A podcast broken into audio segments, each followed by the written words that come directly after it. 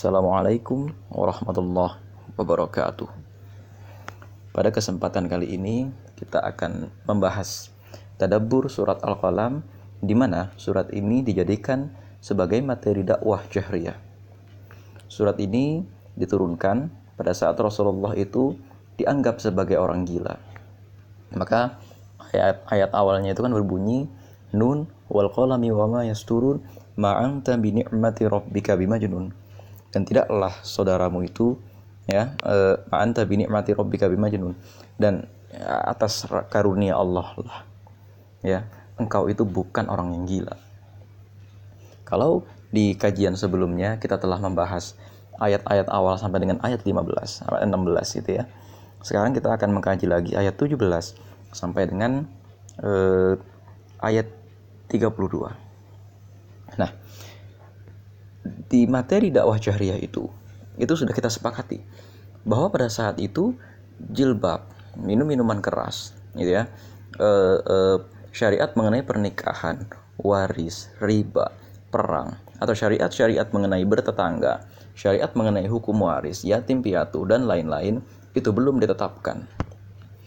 Pada saat itu tawaran Rasulullah itu clear adalah tawaran per, apa peradaban dan saking jelasnya tawaran Rasulullah ini sampai orang-orang dalam surat Al-Qamar ya, dalam surat Al-Qalam itu dikatakan mereka menginginkan agar engkau bersikap lunak dan mereka akan bersikap lunak pula. Waddu law tudhinu. Jadi maksudnya itu Rasulullah itu ditawar, coba ditawar. Coba nanti kasih proyek, mau nggak? Seperti eh, tindakan-tindakan dari Walid bin Uqbah gitu ya. Al Walid bin Mughirah dan kawan-kawannya itu itu ketika pergi ke rumah Abu Talib memaksa Rasulullah itu uh, apa namanya untuk menghentikan dakwahnya dengan berbagai macam janji.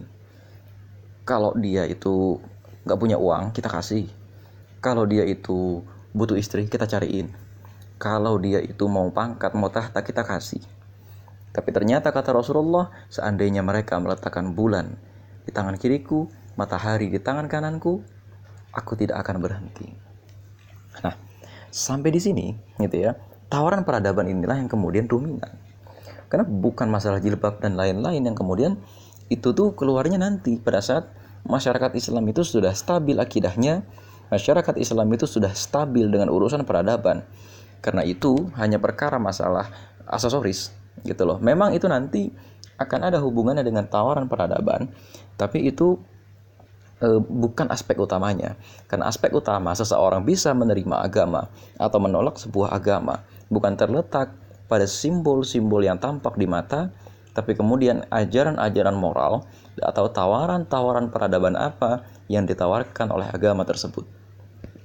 Sayyid Kutub dalam bukunya Sehari Esok untuk Islam yang di mana itu memuat satu esai yang bagus sekali menggambarkan bagaimana Islam akan diterima karena Islam menawarkan satu peradaban yang baru yang belum pernah dikenal orang dan tidak pernah gagal. Menurut Sayyid Kutub, kegagalan Islam, gitu ya, ini bukan disebabkan oleh ajaran Islam. Uniknya adalah Islam itu selalu mundur lantaran orang atau penganutnya atau negara yang menggunakan ideologi Islam meninggalkan ideologi Islam. Berbeda dengan ajaran komunis, berbeda dengan ajaran kapitalis, Marxis dan lain-lain, orang akan menjadi gagal justru ketika negara tersebut menjadi semakin ekstrim menggunakan ajaran tersebut dalam bernegara dan berbangsa. Ini unik, ini ekstrim.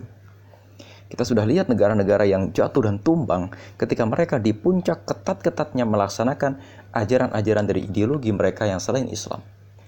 Tapi justru di negara-negara Islam, semakin mereka ketat menjalankan agama Islam, semakin mereka ditakuti oleh musuh, semakin mereka memimpin peradaban di daerah tersebut.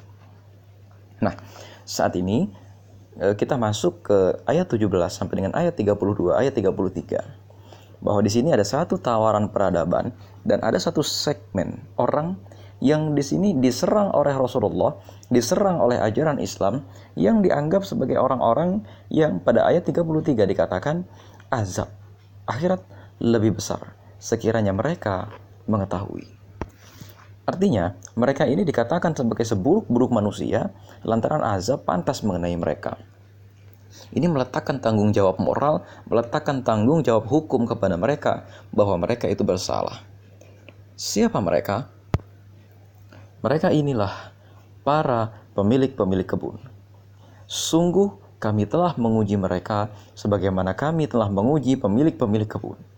Ketika mereka bersumpah, pasti akan memetik hasilnya pada pagi hari. Ayat 18, tetapi mereka tidak menyisihkan. Lalu kebun itu ditimpa bencana yang datang dari Tuhanmu ketika mereka sedang tertidur. Maka jadilah kebun itu hitam seperti malam yang gelap gulita. Lalu pada siang harinya, pada pagi harinya mereka saling memanggil. Pergilah pagi-pagi ke kebunmu jika kamu hendak memetik hasil. Maka mereka pun berangkat sambil berbisik-bisik. Pada hari ini jangan sampai ada orang miskin masuk ke dalam kebunmu. Dan berangkatlah mereka di pagi hari dengan niat menghalangi orang-orang miskin padahal mereka mampu menolongnya. Ketika mereka melihat kebun itu yang sudah hangus dan hitam itu, mereka berkata, "Sungguh, kita ini benar-benar orang yang sesat. Bahkan kita tidak memperoleh apa pun." Berkatalah salah seorang yang paling bijak di antara mereka, "Bukankah aku telah mengatakan kepadamu, mengapa kamu tidak bertasbih kepada Tuhanmu?" Lalu mereka mengatakan, "Maha suci Tuhan kami, sungguh kami adalah orang-orang yang zalim." Kisah ini menceritakan tentang para pemilik kebun ya yang merahasiakan panenan kebun mereka. Menurut Ibnu Katsir, mereka adalah para pemilik kebun yang merupakan generasi kedua dari para pemilik kebun sebelumnya. Alkisah, ayah-ayah mereka itu punya satu kebiasaan. Kebiasaan itu adalah menyedekahkan sebagian hasil buminya kepada orang-orang miskin. Kalau dalam bahasa kita sekarang, memberikan hak CSR atau memberikan apa istilahnya ya, ini kebun ini tidak kapitalis gitu loh. Kebun ini tidak menjadi kebun yang kemudian menyedot kekayaan dari negara sekitarnya, menyedot kekayaan di negara tempat kebun itu berada, tapi malah menjadi sumber kemakmuran bagi orang-orang miskin yang tidak punya tanah. Karena di sini digambarkan mereka itu jelas pemilik kebun, ya. Ashabal jannah. Mereka jelas dikatakan sebagai pemilik kebun, artinya bukan petani biasa. Mereka-mereka ini pemilik lahan Ya barangkali kalau sekarang ada istilah HGU, mereka itu saat itu bukan pemilik HGU. Mereka itu betul-betul hak milik, pemilik, gitu. pemilik dari tanah yang sangat-sangat luas, sehingga saking luasnya digambarkan mereka itu memang bisa menzolimi orang miskin dan sedekah mereka itu sangat berarti. Sehingga pada zaman generasi bapaknya itu, kebun itu betul-betul bermanfaat bagi warga sekitar. Tapi masuk di masa generasi anaknya, anak-anaknya ini, gitu ya, mereka tidak meluangkan atau mereka itu tidak menyisihkan sebagian dari hasil panen kebun mereka, sebagian dari keuntungan kebun mereka untuk orang-orang miskin. Mengapa? Karena di sini mereka tidak mengatakan dalam konteks ini ya, Ibnu Katsir mengatakan tidak mengatakan insya Allah.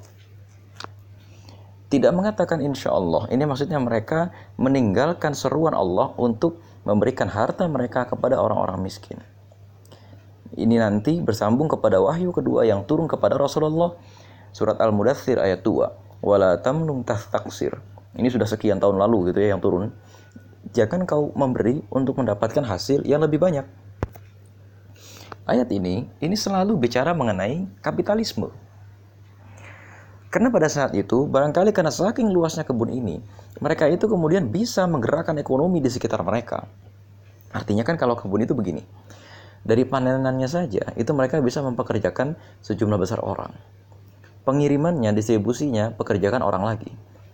E, perawatan lahannya, pembakaran lahan dan lain-lain, itu orang lagi.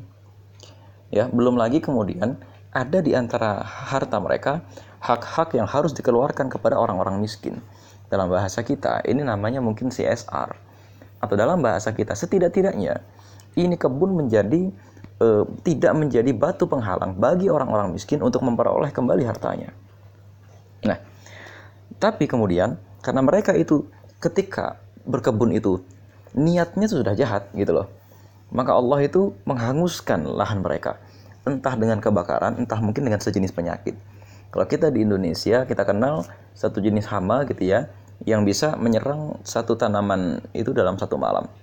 Namanya wereng wereng di padi itu itu kalau lagi wabah gitu ya kalau sedang wabah itu tanaman-tanaman bisa rusak hanya dalam waktu satu malam berhektar-hektar. Kita tidak tahu ini ini apa gitu ya, e, apa yang menjadikan kebun itu hitam itu kata Allah tadi. Tapi yang jelas mereka tidak tahu kebun itu menghitam sebab mereka sedang tertidur. Pada pagi harinya mereka saling memanggil. Ya, mereka saling kong kali kong gitu bahasanya. Di sini dikatakan saling memanggil itu ya ya mungkin bisa kita katakan sebagai kong kali kong gitu ya Nah, eh, di di ayat 21 wahum naimun. Ya, naim itu kan di sini dikatakan sebagai saling memanggil. Maka mereka pun berangkat sambil berbisik-bisik. Jangan sampai ada orang miskin masuk ke dalam kebunmu. Dalam arti jangan sampai ini ada orang miskin gitu ya kena eh, apa namanya minta dari hasil kebun kita.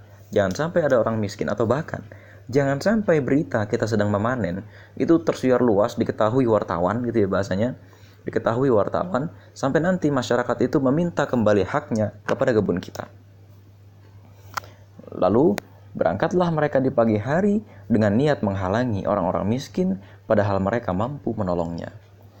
Ini bicara meletakkan tanggung jawab sosial pada orang-orang kaya. Tapi di sini yang diserang itu ini titik perbedaan antara ajaran Islam dengan ajaran komunis. Ajaran Islam di sini, gitu ya, dalam surat Nun ini, ini jelas mengkritik perilaku orang-orang kaya yang menolak memberikan sedekah dari hasil bumi atau mengkritik juga perilaku para pemilik lahan yang para pemilik lahan itu malah menyebabkan konflik agraria. Konflik agraria yang dimaksud adalah orang-orang miskin yang hidup di sekitar lahan itu ternyata tidak termakmurkan. Ini kan sekarang jadi problem di zaman sekarang. Ada lahan yang berjuta-juta hektar luasnya, ratusan ribu hektar luasnya, dikuasai kurang dari lima perusahaan, atau bahkan ada satu perusahaan itu punya beberapa tempat di Indonesia yang masing-masingnya 100 ribu hektar. Tapi mereka semacam tidak punya tanggung jawab sosial. Kalaupun mereka punya tanggung jawab sosial, ini hanya masalah tipu-tipu. Tipu-tipu itu udahlah, yang penting terlihat kita ini punya tanggung jawab sosial punya CSR padahal CSR-nya itu atau anggapannya mereka itu mungkin menciptakan suatu program yang bisa memberdayakan masyarakat sekitar. Padahal tanpa sadar ya tanpa sadar mereka itu sebetulnya hanya membohongi kita. Ya karena mereka itu sesungguhnya itu bagian dari biaya promosi juga. Padahal CSR itu berbeda dengan biaya promosi tapi kan yang jadi persoalan ini nggak ada nggak ada yang ngatur karena ini semua persoalan etika di sinilah agama itu harus hadir agar jangan sampai orang-orang kaya itu terlalu kaya yang kayanya itu nanti jadi masalah. Tapi dalam Islam tidak dilarang untuk jadi sangat kaya, tidak dilarang. Utsman bin Affan, Zubair bin Awam, Abdurrahman bin Auf itu orang-orang super kaya. Tapi kemudian mental kekayaannya itu beda dengan mental kekayaan yang lain. Ya, kalau ajaran komunis itu mengkritik orang-orang kaya dengan cara yang sama dengan orang-orang Islam, tapi kemudian kepada orang-orang miskin, gitu ya, orang-orang komunis itu mengerahkan masa, agitasi masa untuk merampas kembali hak mereka dari orang-orang miskin. Di titik ini, apa yang diperjuangkan sama dengan ajaran komunis, tapi cara memperjuangkannya itu berbeda. Kalau dalam Islam, cara memperjuangkannya itu dengan kembali meletakkan tanggung jawab sosial kepada orang-orang kaya, kepada para pemilik lahan, tanpa mengganggu gugat sedikit pun kepemilikan lahan mereka, atau tanpa kemudian menyebabkan istilahnya gejolak di tengah-tengah masyarakat, sehingga masyarakat syahwat kekayaannya menjadi naik dan merampas harta orang kaya tadi. Karena kan ini sesungguhnya harta mereka halal. Yang jadi soal itu. Karena halal tadi, maka yang diubah itu paradigma mereka mengenai harta kekayaan. Bukan orang miskinnya diagitasi, dikerahkan gitu ya untuk berdemonstrasi atau untuk mencaplok lahan mereka.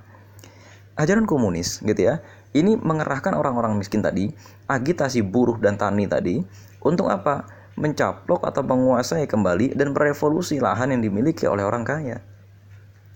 Tapi yang jadi masalah, kenapa kok ujung-ujungnya revolusi? Sama dalam Islam juga begitu. Kenapa kok ayat yang sederhana semacam ini cuma cerita mengenai dua pemilik kebun? Ini bisa memancing orang-orang Mekah untuk memusuhi Rasulullah. Bisa memancing budak-budak seperti Bilal bin Rabah dan orang-orang kaya untuk menggerakkan revolusi. Sebab tidak lain tidak bukan, karena memang kekayaan yang terlalu banyak ya artinya kekayaan yang berpusat pada satu orang kekayaan ini gitu ya jika satu kekayaan itu berpusat pada satu orang dan kekayaan ini melebihi kebutuhan orang itu, maka fitrah dari harta itu akan menjadi penghidupan bagi orang lain. Semakin besar kekayaan itu, semakin banyak juga orang yang hidup dari kekayaan dia itu. Apa maksudnya? Berarti sebenarnya orang-orang kaya itulah yang memegang simpul-simpul kemiskinan di tengah masyarakat. Orang-orang kaya itulah yang bisa sangat menindas masyarakat sekaligus bisa membangkitkan masyarakat dengan sangat cepat.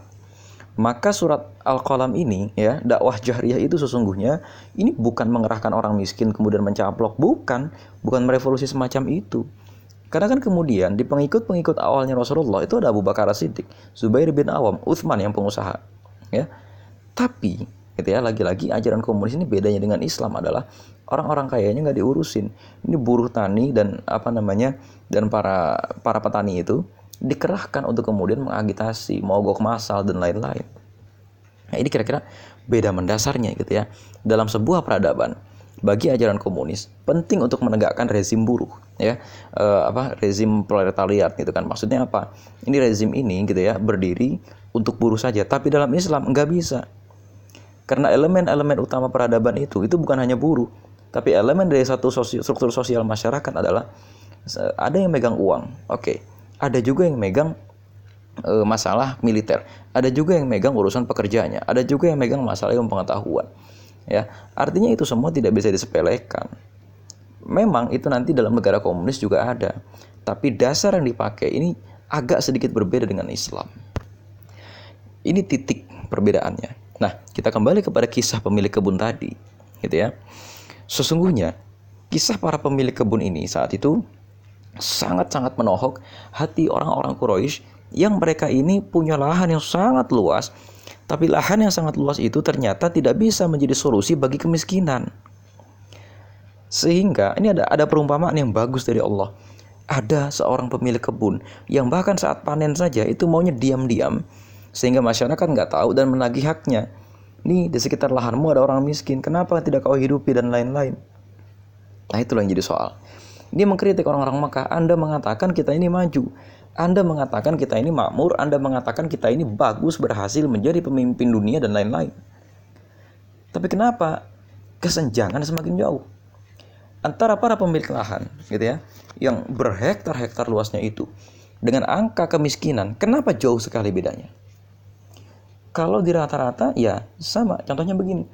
50 ditambah 50 ya ada dua data, 50 sama 50. Rata-rata tetap 50. Ya kan? Tapi ada satu lagi data, 90 dengan 10. Rata-rata juga 50. Artinya statistik itu tidak bisa menjelaskan bagaimana urusan e, pemerataan kemiskinan. Karena statistik urusannya hanya pemerataan data. Pada saat itu, barangkali yang terjadi adalah pemerataan data bukan pemerataan kemiskinan. Ya memang harta mereka banyak sekali tapi di balik itu, kota Mekah itu menyimpan kelam luar biasa karena angka penduduk miskin sangat banyak. Dan angka penduduk miskin ini ditutup-tutupi dengan istilah perbudakan. Itu loh yang jadi soal. Akhirnya kenapa banyak orang-orang lemah itu yang mengikuti ajaran Islam? Karena memang ajaran Islam itu membicara advokasi orang-orang miskin. Caranya bagaimana? Caranya dengan meletakkan tanggung jawab sosial kepada orang-orang kaya dan memberikan semangat baru kepada orang-orang miskin untuk bergerak dan mencari penghidupan lepas dari paradigma lamanya bahwa mereka memang ditakdirkan sebagai orang miskin. Itu yang jadi soal, gitu ya. Nah, kisah pemilik kebun ini juga ini kemudian menjadi reaksi besar di tengah-tengah masyarakat karena apa? Ya jelas, ini orang-orang kaya dikritik, mereka semua dikritik. Dan orang-orang ini nggak mau kemudian eh, memberikan tanggung jawab sosial tersebut gitu loh Orang-orang kaya ini ya ternyata memilih memerangi dakwah Rasulullah karena takut pangkatnya hilang, kekayaannya hilang. Orang yang memerangi dakwah, orang yang menolak cara-cara konservatif dan ortodoks itu rata-rata orang-orang yang memang hidupnya itu dari kebatilan yang sedang terjadi atau derajatnya itu, pangkatnya itu dapat dari kebatilan yang sedang terjadi. Nah, ini yang susah gitu ya.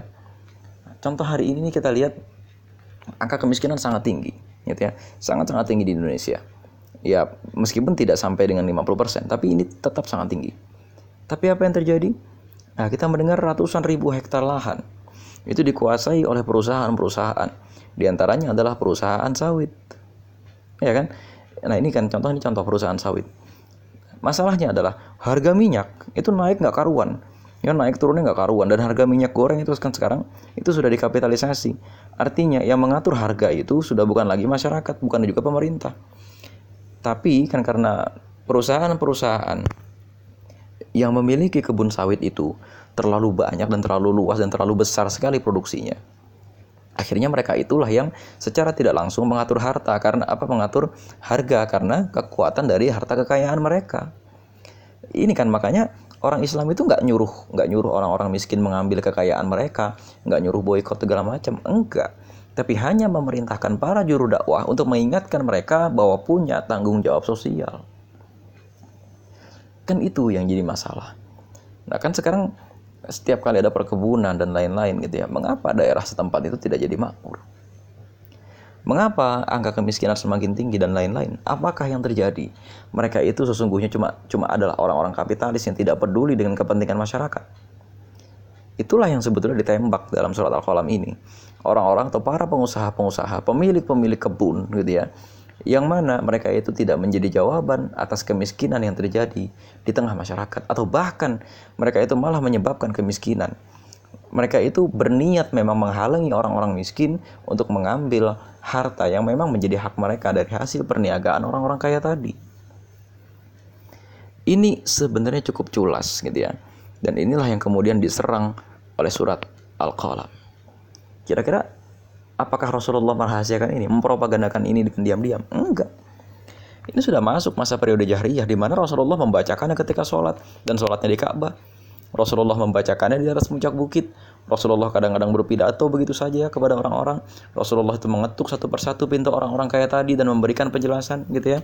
Yang mana ya ada dugaan memang Rasulullah sendiri bersama Khadijah itu juga semacam pemilik kebun tapi nggak ada cerita seperti itu gitu ya nggak ada cerita yang yang jelas, tapi kita hanya menduga saja sehingga ketika Rasulullah itu ngobrol sama pengusaha-pengusaha itu asik tongkrongannya. Jadi ketika Rasulullah itu berdakwah kepada sekelompok orang-orang kaya, orang-orang kaya ini tidak merasa terancam kecuali kesombongan mereka itu yang membuat. Kan itu yang jadi soal. Nah, kira-kira gitu ya, kira-kira itulah sebetulnya yang dialami dan didakwahi oleh Rasulullah kepada para pemilik kebun yang menolak hak-hak orang miskin diberikan dari kebun-kebun mereka. Nah, e, hari ini misalnya,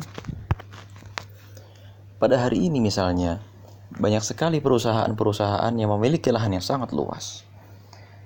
Kalau misalnya kita bicara perkebunan perkayuan saja, ya, penanaman kayu itu sendiri sudah menjadi industri tersendiri. Penambangan kayu itu melibatkan ribuan orang.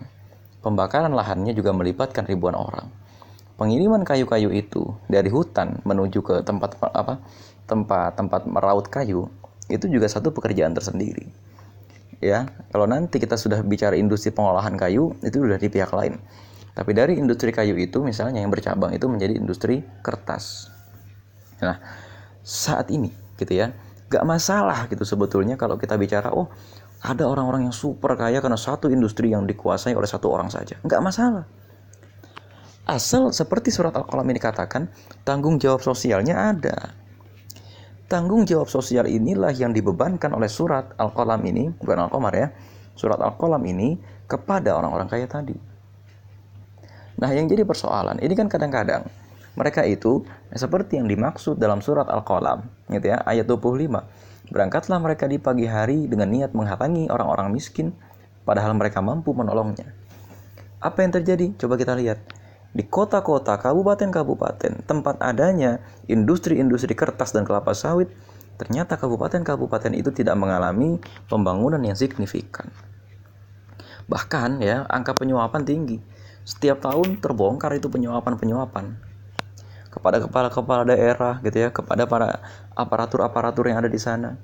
Kebakaran hutan angkanya juga sangat tinggi ya kan ini tanda, mereka tuh nggak mau berbagi sama orang miskin dalam arti maunya cari yang praktis gitu loh. Ya maunya cari yang praktis. Akhirnya apa? Mereka merusak lingkungan gitu kan. Yang kena siapa? Negara. Dan mereka itu memang, kapitalis gitu loh. Akhirnya ketika mereka di sidang kena segala macam, mereka membela diri. Mereka membela diri seolah-olah mereka tidak bersalah. Nah, yang jadi masalah lebih besarnya lagi, dengan kekuatan harta mereka, mereka itu mempengaruhi pemerintahan sehingga pemerintah itu membuat satu kebijakan-kebijakan yang berpihak kepada mereka. Ya. Di mana kebijakan-kebijakannya itu itu kemudian jauh sekali dari tuntunan agama Islam, di mana tanggung jawab sosial itu ada. Sehingga mereka sudah tidak lagi peduli gitu loh sama pembangunan kayak apa kayak itu udah nggak peduli. Ada satu contoh kota industri yang mana jalan raya, jalan tol, bandara, pelabuhan, infrastruktur kotanya hanya didesain untuk orang-orang kaya. Karena apa? Orang-orang kaya ini dianggap bisa mendatangkan investasi untuk pembukaan lahan, lahan pertanian, atau industri yang ada di sekitar kota tersebut. Ini terjadi di Indonesia. Dan barangkali terjadinya tidak hanya di satu provinsi, tapi juga terjadi di provinsi-provinsi yang lain ada pemilik-pemilik kebun yang menghalangi orang-orang miskin masuk ke dalam kebun mereka untuk mengambil hak mereka yang ada dalam kebun tersebut. Ya. Dan kalau dalam surat Al-Qalam ini masih mending ini kebun tanah sendiri. Tapi yang sekarang terjadi di negeri kita, ini kebunnya bukan punya sendiri, hak guna usaha. Artinya kebun ini milik negara yang adalah milik rakyat. Tapi kenapa kemudian banyak bermunculan kota-kota yang baru, yang mana kota-kota ini menghalangi orang-orang miskin untuk mencari penghidupan di sana? Mengapa banyak kota-kota baru yang muncul, yang kemudian membuat disparitas atau jarak antara orang kaya dengan orang miskin semakin jauh? Apakah solusinya adalah pengerahan massa, mogok basah, apa mogok mogok besar-besaran bagi kalangan buruh? Enggak tapi meletakkan tanggung jawab sosial dan peran status sosial masing-masing kepada setiap kelas. Sehingga setiap kelas itu menjadi satu ekosistem yang saling mendukung. Artinya sekarang begini, kalau kita lihat kesenjangan kemiskinan semacam ini, di mana di sebuah kota, orang-orang yang memang menjadi bagian sistem dari perkebunan tersebut, terbagi menjadi dua. Orang yang sangat kaya ada di bagian eksekutif kebun tersebut, dan orang yang sangat miskin adalah orang-orang yang merawat lahan atau orang-orang yang tepat di garis batas luar pagar dari kebun tersebut.